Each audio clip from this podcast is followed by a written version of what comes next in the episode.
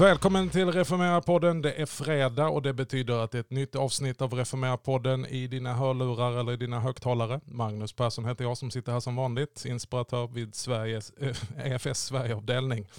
Och med mig i podden idag har jag min gode vän och kollega från EFS rikskansli, vår internationella missionschef Erik Johansson. Välkommen Erik! Tack så mycket, trevligt. Du är den enes eh, död, den andres bröd höll jag på att säga. Du skulle egentligen suttit på ett flygplan snart till ett eh, missionsland, men nu sitter du här och gör podd med mig istället. Så kan det gå ibland i den oroliga tid som vi lever i, att man inte alltid kan förutse vilka resor som blir av och inte. Det är ju verkligen så och du reser ju nästan hela tiden, eller väldigt mycket i alla fall, och inte bara till eh, turistiga platser utan i platser där det är mycket oro av olika slag och där evangelium behövs. Så är det. Hur länge, Erik, har du hållit på med det här? För den som inte vet och lyssnar. Ja, det, vad är det för datum? Det, om, om en vecka så är det 14 år. 14 år. Eh, som jag började mitt eh, missionsnomadliv. Och det finns ju eh, fantastiska berättelser att berätta om vad du har fått vara med och se och hur Guds rike växer fram på de mest otroliga platserna. Eh, för en tid sedan hade jag glädjen att vara med dig både i Etiopien och Tanzania. Det var en, ett minne för livet, någonting som jag hoppas vi vi får göra om framöver. Ja, det är snart dags igen Magnus. Men du, eh, det är ju så här att det, det, det, vi ska ju prata om någonting helt annat idag, men, men om vi dröjer kvar lite vid detta, det, sker ju förändringar för dig personligen här vid nyår. Ja, det stämmer. Eh, jag har under ett par års tid försökt rekrytera en prästfamilj till vårt nyetablerade arbete i Armenien och inte lyckats få svenska präster att förstå det fantastiska med den möjligheten. Eh, så i somras här så kläckte jag ju med att hmm, jag kanske ska rekrytera mig själv. Inte dåligt. Jag skulle säga att det, är, det ger mig, eh, jag har stor respekt för dig Erik och, och hela det arbetet du redan har gjort, men eh, det minskar inte respekten när man visar att man inte bara leder ett stort internationellt arbete utan när man är beredd att gå in på marknivå och själv ta platsen i ett ganska nytt fält, i alla fall för EFS räkning. Armenien, ja. var är vi någonstans i världen för den som inte har koll på sin världskarta? Södra Kaukasus, inklämt mellan Turkiet, Iran, Azerbajdzjan och Georgien. Det är du. Det, är, eh, det händer ju lite i den, i den, i den trakten. Eh, så mellan stormakternas eh, politiska ja, när flytt... det är ett spännande område. När flyttade du dit Erik?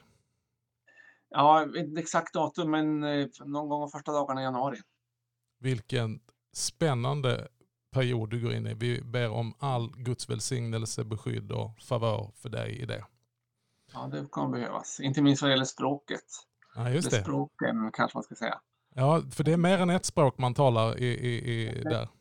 Betjäna en liten grupp persisktalande kristna. Så persiska håller jag på att försöka trycka in i mitt lilla huvud just nu.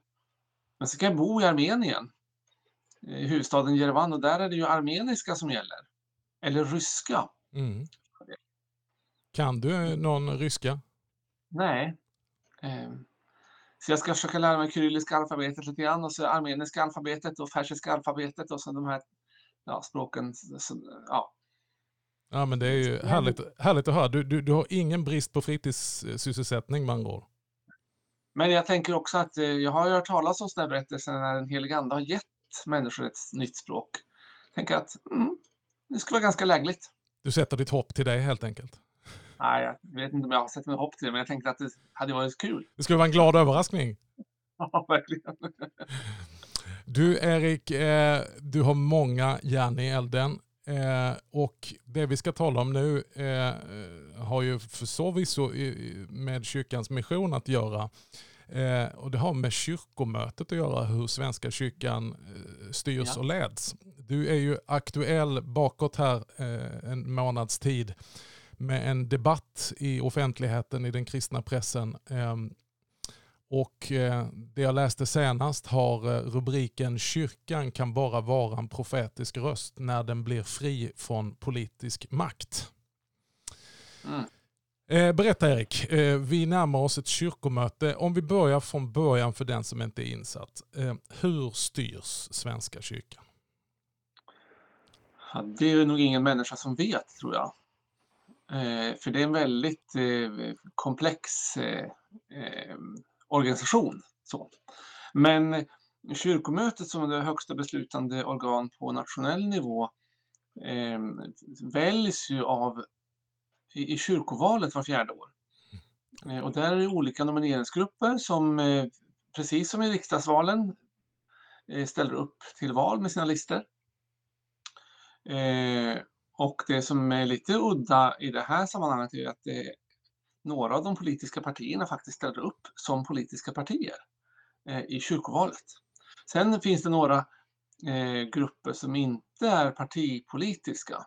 En del säger ju att, man, att allt är politik och det är väl sant. Eh, men man behöver inte syssla med partipolitik utifrån politiska ideologier. Men redan där så, så tänker ju vissa då, men vänta lite här nu, skildes inte kyrka och stat för över 20 år sedan? Mm, så är det. Eh, men det är ju inte så lätt gjort. Eh, och ehm, vi, vi, har ju, alltså det finns ju historiska förklaringar till det här. Sen Gustav Vasas dagar, sen reformationen, eh, så har ju Svenska kyrkan varit en statskyrka mm. och varit nära kopplad till statsmakten på olika sätt. Och, så, och sen så under, under 1900-talet så blev eh, kyrkans styrning då med, med kyrkomötet i toppen blev allt mer eh, politiserat. Eh, och faktiskt så kan vi ju, det har ju presenterats några spännande boktitlar de senaste åren om hur inte minst Socialdemokratiska partiet mycket medvetet och systematiskt har jobbat för att eh, göra Svenska kyrkan till när man, in, man insåg att man kunde inte, man kunde inte utplåna kyrkan. Och då tänkte man att det är bättre att man nyttjar den för sina politiska syften. Mm. Eh, att man vill, eh, an, till och med för begreppet Kungliga salighetsverket dök ju upp på 30-talet någon gång som en liten så här hittepå beteckning istället för Svenska kyrkan. Mm. Eh, men, men det är så man har, har jobbat ganska systematiskt att eh, Svenska kyrkan ska inte vara för, för kristen, för, för unikt eh, självständigt kristen utan den ska vara ett slags myndighetsverk eh, som tar hand om människors själsliga eh, problem eller angelägenheter. Ett litet existentiellt ceremoniverk som, som ger oss lite religiös fernissa på tillvaron. Det här är naturligtvis eh, tillspetsat. Det är det ju. Men eh, Eh, Jesper Bengtsson heter, kom ju med en bok häromåret som just beskrev hur, som själv är socialdemokrat, som beskrev hur lyckat han menade att Socialdemokraternas strategi har fungerat. Mm. För det har blivit just det som man, man tänkte sig. Mm. Eh, namnet Svenska kyrkan är fortfarande kvar och man, Svenska kyrkan står fortfarande i sin bekännelse på, på den lutherska bekännelsens grund och på bibelordet och så vidare. Eh, men det är inte oemotsagt och det är inte självklart att det är det som är yttersta auktoritet. Mm. Sen så har ju de andra politiska partierna på vis också varit med i det här spelet. Och när då kyrkan skildes från staten vid 2000 så gjorde man ju, då hade man redan liksom gjort om hela beslutsproceduren så det var liksom en, en slags blåkopia på det kommunala och riksdagssystemet i det sekulära samhället. Eh, och det var inte tal att ändra på det. Eh, utan istället för det som då hette de politiska partierna så kallades de då bara nomineringsgrupper när det kommer till kyrkovalet. Men det är samma organisationer. Mm. Sen i en del fall har man distanserat sig något från, från sitt moderparti och kallar sig för till exempel för kristdemokrater i Svenska kyrkan eller miljöpartister i Svenska kyrkan eller vänsterpartister och så vidare.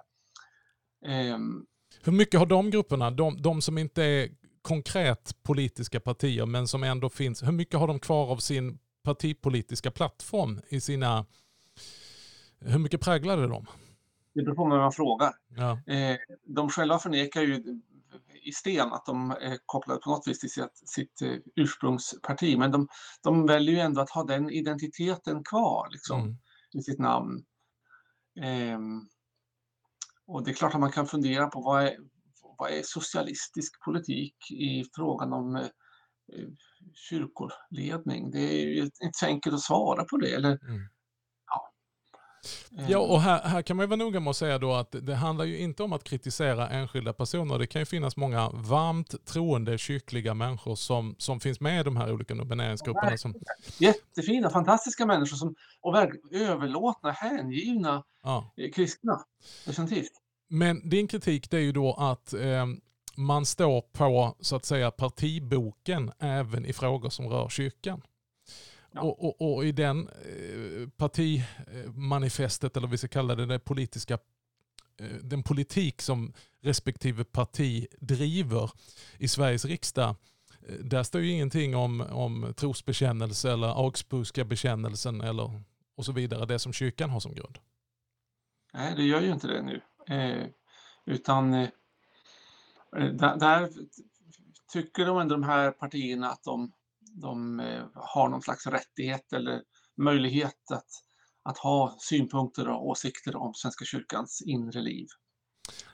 Sen är det klart att som, eh, som eh, styrningsstrukturen i Svenska kyrkan ser ut så är det naturligtvis inte bara de, de här politiskt valda personerna som är beslutande. Det finns ju också präster och biskopar som har inflytande över kyrkans lära. Mm. Där finns det också en läronämnd som då hanterar eh, så fort det kommer upp en fråga i kyrkomötet som har någonting med läran, den lutherska läran att göra, då ska den då behandlas i den läronämnden mm. som befolkas dels av biskopsmötet men också av ett antal andra teologer. Eh, och de ska då hjälpa kyrkomötet att fatta kloka beslut. Eh, men man, be man behöver inte, så att de, de lämnar ju ett utlåtande på, på de här frågorna som bedöms tillhöra till exempel lärofrågor. Men sen kan ju kyrkomötet välja att bortse från det och eh, rösta och driva frågan i en helt annan riktning. Eh, så är det, men det krävs en högre röstandel för att köra över läronämndens rekommendationer. Mm. Eh, så att läronämnden tas nog på stort allvar ändå i, i den processen. Men, men det som du säger, i, ytterst sett så kan kyrkomötet ändå fatta beslut som står mm. helt i strid med det som läronämnden eh, yttrar. Mm. Om, vi, om vi går tillbaka till det här med kyrkomötet. Hur länge har du själv suttit? Du, du har ju funnits med i, i, i kyrkomötet under många år. Eh, precis, jag har suttit under två mandatperioder. En första mandatperiod som ersättare och sen som ordinarie. Mm. Eh, men nu sen, sen valet så, så är, finns jag inte med i kyrkomötet längre. Ja. Min enda post nu är att jag är ersättare i kyrkofullmäktige här i Uppsala pastorat. Just det. För det är också en struktur som, som sen går, liksom, inte bara nationellt, utan den går ner också på kyrkofullmäktige eh, mm. och, och ner på, på eh, så att säga lokal nivå. Stifts oh ja. och lokal nivå. Ja, så är det. Så det är egentligen en direkt kopia av det sekulära politiska systemet. Mm. Eh, med riksdag, landsting eller region och eh, kommunal mm. nivå. Men du, då, då för du fram kritik. Vad, vad är din kritik eh, i, ett, i, i kärnan av din kritik som du vill föra fram? Varför känner du behov av att, att um, uttrycka detta? De politiska ideologierna har ju inget svar på kyrkans frågeställningar. Mm. Eh, och därför är de ju eh, oförmögna eh, om man ska vara vänlig, eh, till att eh, styra kyrkans beslut. Mm. Eh, och vill man vara lite mer spetsig kan man säga att de är eh, odugliga eller rent av eh, skadliga för kyrkan genom att tolka och försöka analysera och leda Svenska kyrkans beslutsorgan utifrån politiska ställningstaganden. Mm. En, ett sånt väldigt konkret exempel är ju att hade inte det här politiska systemet funnits så hade vi inte haft Sverigedemokraterna med i, i kyrkans ledning till exempel. Mm. Men eftersom vi har öppnat för den här möjligheten med nomineringsgrupper på politisk grund så är det klart att Sverigedemokraterna också ställer upp i kyrkovalet. Mm. Och de, var väldigt tydliga med det först, eh, första vännerna att det var en, en språngbräda för att kunna lära sig det politiska hantverket eh, på ett enkelt sätt och för att sen ta sig in i, i rikspolitiken. Ja, det blir ju lite grann som träningsmatcher höll jag på att säga för att använda ett sportuttryck uh, där man testar sina valkampanjer, sin valplattform och där man tränar upp blivande politiker. Ja, eh. och det blir ju också en plantskola för de, de politiker som inte riktigt platsar i kommunal och eh, den sekulära politiken. Man kan alltid sätta dem på, på, på kyrkovalets lista så får de öva sig i det politiska eh, hantverket och lobbyarbetet och så vidare där. Mm. Eh, tills de har liksom, spottat upp sig och duger på en riksdagslista till exempel. Mm. Centerpartiets partiledning eh, la ju som förslag till deras riksstämma eller årsstämma, ehm, eh, partikonvent vad man nu kallar det, att man skulle dra sig ur kyrkomötet. Men mm. blev eh, överkörda. Ja. Så att man stannar kvar.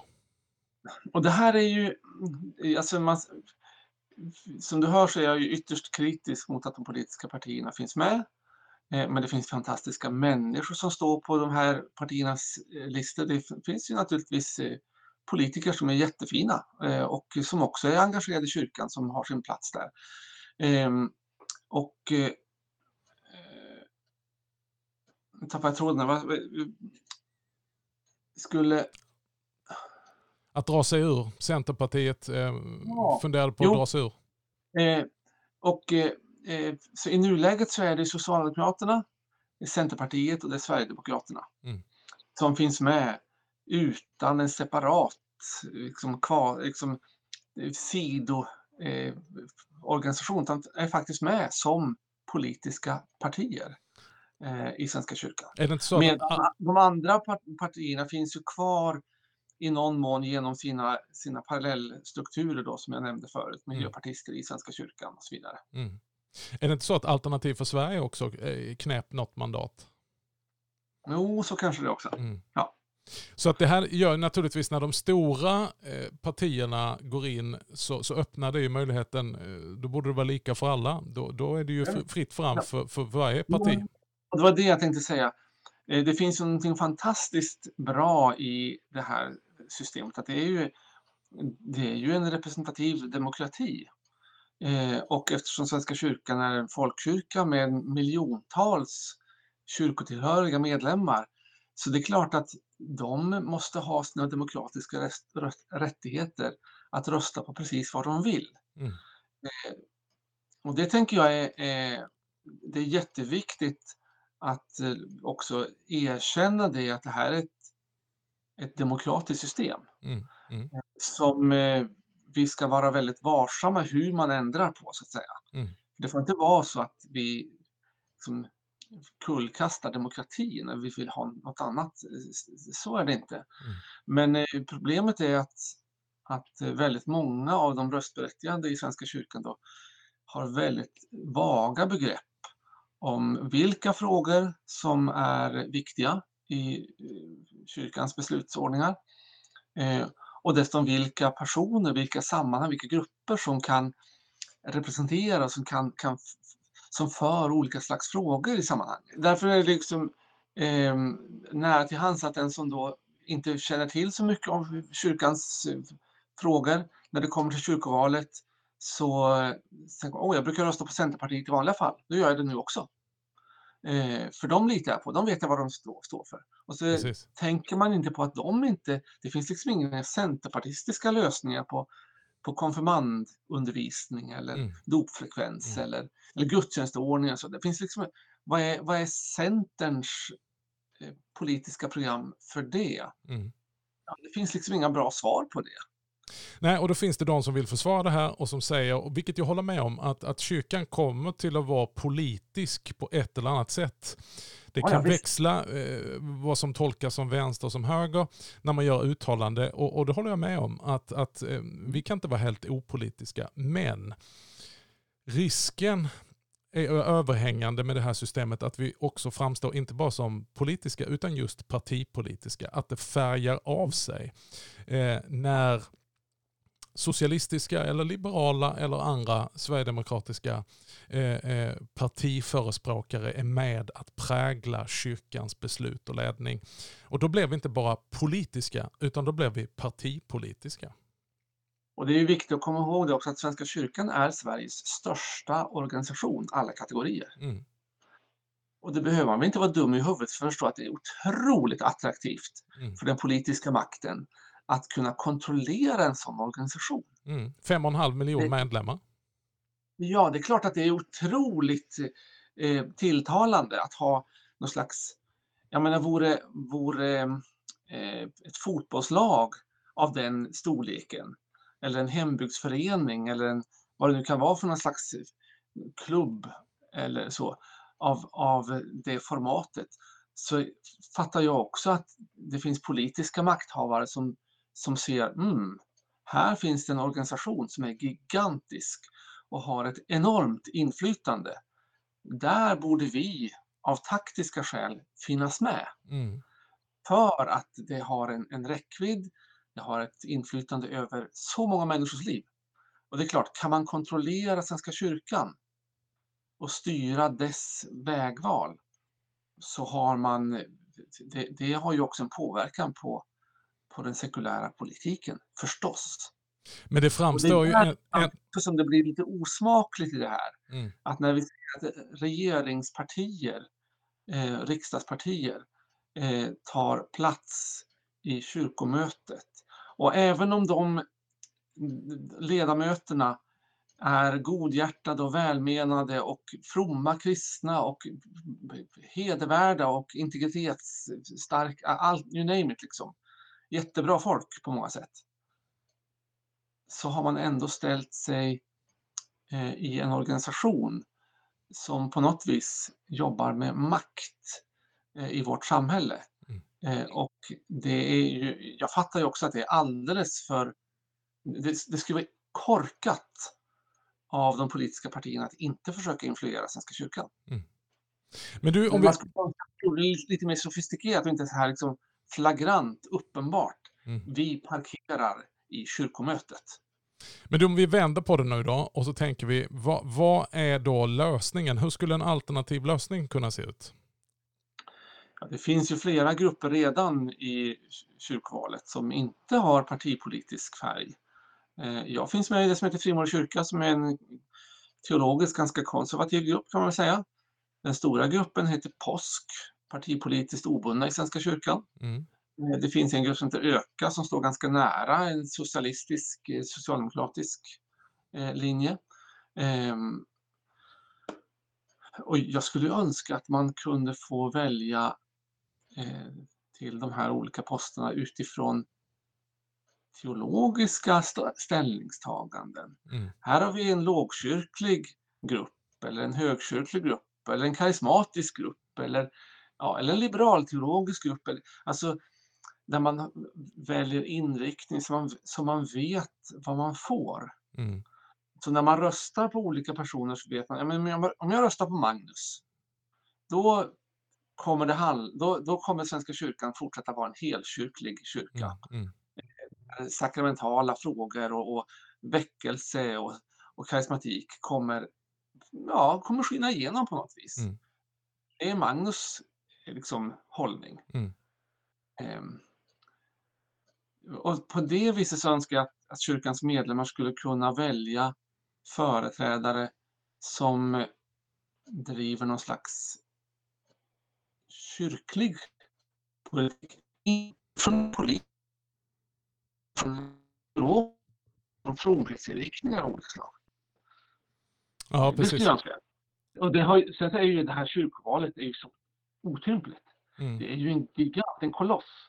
Kyrkovalet kostar ju, ja, jag vet inte exakt senast, men eh, eh, jag tror inte att det kommer under 300 miljoner kronor. Mm.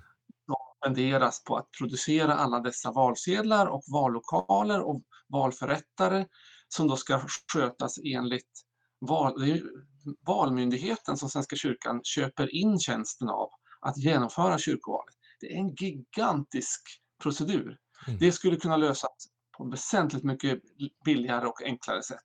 Och nog så demokratiskt sätt. Mm. Eh, där, det är, där man så att säga, skulle koppla det närmare till den lokala församlingens ledning, eh, där det lokala gudstjänstlivets sammanhang och där de som eh, går i gudstjänst och längtar efter att få, få leva ett kristet liv, att det är de som har det så att säga, eh, största inflytandet eh, i det sammanhanget. Och inte politiska partistrukturer. Somliga har ju fört fram eh, rätt eller fel, eh, men det kan vara intressant att bolla en sån tanke där man säger att det borde vara krav på, på både kunskap, kunskap om våra bekännelseskrifter, kunskap om den kristna tron, delaktighet i lokalt församlingsliv etc.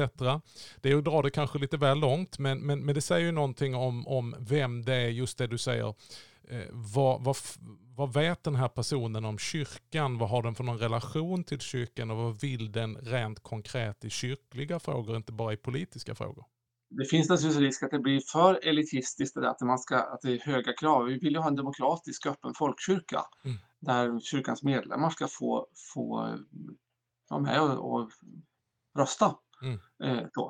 Eh, men, men det kan ske på ganska olika sätt. Mm. Eh, och i nuläget så är det nästan så att mm, det spelar ingen roll vad man vet. Mm. Eh, man ska vara lika mycket delaktig i alla beslut på alla nivåer ändå. Mm.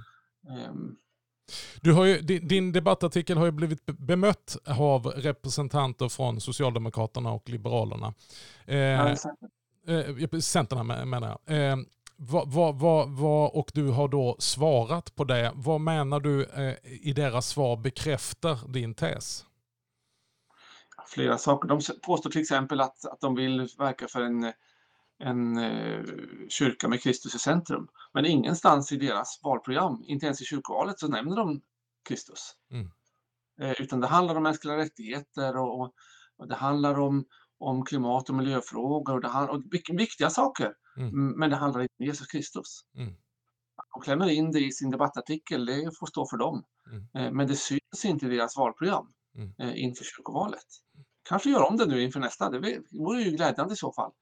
Eh, men det är en sån sak.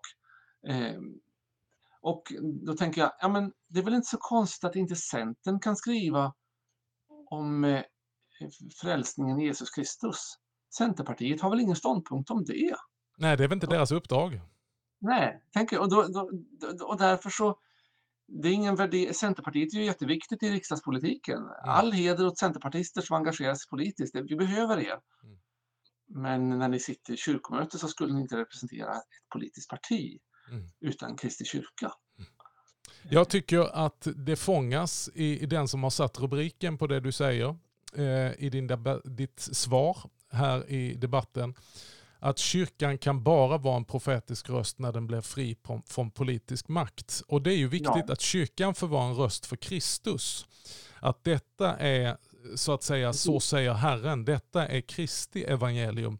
Och det är inte färgat av någon politisk maktapparat eller partiorganisation, utan detta kan du lita på att detta är vad Jesus har att säga. Och det, det vill jag vara väldigt tydlig med också här, om det inte har framgått, att det, det är ju inte människorna som är engagerade i de här sakerna som är problemet, Nej. utan det är att de företräder en politisk agenda, mm. som då är densamma som den världsliga makten som sitter i vårt lands riksdag och regering. Mm. Eh, och eh, då blir det svårt för Svenska kyrkan att vara en nagel i ögat på makten, som jag tror kyrkan har en viktig uppgift att också kunna sätta fingret på orättfärdighet och missförhållanden i vårt samhälle och påverka den politiska makten utifrån evangeliet, Jesus Kristus. Eh, Eh, och att, men, men genom att det är de politiska partierna som, som sitter i kyrkan så blir det ju liksom, det blir en ganska tandlös eh, profetisk röst på det viset. Och för mig är det en... Och för mig är det en identitetsfråga. Jag tänker på vad Paulus säger i Galaterbrevet 3 där han säger här är inte jude eller grek, här är inte slav eller fri, här är inte ens man eller kvinna. Kanske vi borde lägga till det, här är inte socialdemokrat, centerpartist eller någon annan partipolitisk färg, utan, utan här måste vi byta identitet. Här är ni alla ett i Kristus Jesus. Att det är det som förenar oss i ett kyrkomöte. En fantastisk struktur, en välsmord organisation. Det är inte utan att man blir imponerad när man är med på ett kyrkomöte. Eh, det är gott att vi har goda ordningar, men ehm, ordningen och också identiteten måste vi ju hämta, inte från vår partitillhörighet, den får vi liksom hänga av oss tillsammans med ytterrocken, utan identiteten måste finnas i Kristus. Och att vi är därför Kristi kyrka. Och det finns två sätt att förändra det här systemet. Det ena är att de politiska partierna drar sig ur, självmant. Det andra sättet är att folk röstar på andra. Mm. Eh, men med, med, som den sekulariserade och den medlemsstruktur vi har i Svenska kyrkan idag så är båda de scenarierna ganska långsökta. Mm. Eh, och därför är det en långsam process att få kyrkans medlemmar att förstå att här finns det andra grupper, andra krafter som Eh, verkar utifrån kyrkans teologiska plattform och inte den politiska agenda. Men kanske stenarna börjar ropa. Jag eh, medverkade på en eh, församlings vad ska man kalla det för, kick-off-dag där eh, kyrkofullmäktige var samlat tillsammans med arbetslaget och den dagen så presenterade man en undersökning man hade gjort i hela församlingen och folk som inte var med i församlingen men som bodde i bygden. Där man hade ställt ett antal frågor som folk hade fått skriva. Enkla frågor där man svarar bara ja eller nej, kryss i, men också om du vill säga någonting mer om kyrkan så kan du få skriva själv och förvånansvärt många hade skrivit själv eh, som en hälsning till kyrkan och det genomgående temat var jag önskar att kyrkan skulle bli mindre eh, att uttala sig i samtidsfrågor, politiska frågor. Det kan vi ha olika åsikter om. Men det intressanta är, jag vill att kyrkan ska bli mer kyrka. Att kyrkan behöver tala om det som är kyrkans centrala budskap. Och här, kan vi alltid, här finns det en, en, en, en axel naturligtvis där vi kan ha olika åsikter. Så att vi måste stå upp och tala om eh, profetiskt är orättvisor. Vi behöver engagera oss vad det gäller klimatfrågor. Vi behöver engagera oss i en mängd olika frågor som har med vår samtid att göra. Men inte på bekostnad verkar den här undersökningen visa på det som är vårt centrala budskap om Jesus Kristus och goda nyheter till människor. Syndernas förlåtelse. Mm, det är spännande. Eh, då, men då kan man också säga att de här politiska partierna har ju också nyttjat sin sina respektive stora partiorganisationer för att, ja, till exempel när Sverigedemokraterna kom med i kyrkopolitiken, att då, då använde både Centern och Socialdemokraterna det som ett huvudskäl till att gå och rösta. Mm. För att mota Sverigedemokraterna liksom. Mm. Eh, ja, det hade ju ingenting med, med kyrkans innehåll att göra, utan det var bara ett politiskt spel för att stoppa en, en politisk motståndare. Eh, och ändå vet vi att Sverigedemokraterna har väsentligt mindre stöd i kyrkovalet mm. än i riksdagsvalet. Mm. Så att de utgör ingen, ingen eh, stor maktfaktor. Men det var ett sätt att stärka sin egen politiska maktposition för, för Centern och för Socialdemokraterna ja. i kyrkomötet. Och de lyckades. Det är bara att gratulera dem. Att de är otroligt slipade och duktiga på det. Att några politiska partier skulle hindra ett annat politiskt parti att eh, engagera sig, eh, ja, rimligheten där kan man ju diskutera. Du Erik, tiden går snabbt när man har roligt som jag brukar säga. Eh, vi är på övertid. Eh, men det var intressant att eh, tala om det som är så centralt och viktigt Eh, och som kanske många glömmer bort som är engagerade i kyrkan. Det som är kyrkomötet och hur kyrkan styrs och hur det beslutas och hur det bestäms. Och min uppmaning till alla lyssnare är att låt oss, eh, det kan, det kan vara väldigt enkelt att kritisera, men eh, för den som tror på bönens makt, låt oss be för varje kyrkopolitiker, varje representant i kyrkomötet, eh, oavsett nomineringsgrupp eller partitillhörighet, och låt oss be att Guds rike får komma, att Guds vilja får ske, här på jorden så som i himlen, och att hans namn får bli helgat, namnet över alla andra namn. Och så får vi be för Erik som ska ge sig ut på nya äventyr strax. I ett nytt land med nya utmaningar. Guds stora och rika välsignelse till dig Erik i din fortsatta gärning. Tack för det. Tack så mycket för att du var med i Reformera-podden och talade kyrka och politik. Tack Magnus. Vi återkommer och talar mission och evangelium vid annat tillfälle, men det hänger ihop. Allt hänger ihop på något vis. Tack till dig som har lyssnat på Reformera-podden ytterligare en fredag. Om Herren vill och vi får leva så är vi tillbaka i dina hörlurar nästa fredag. Tills dess, Guds rika välsignelse.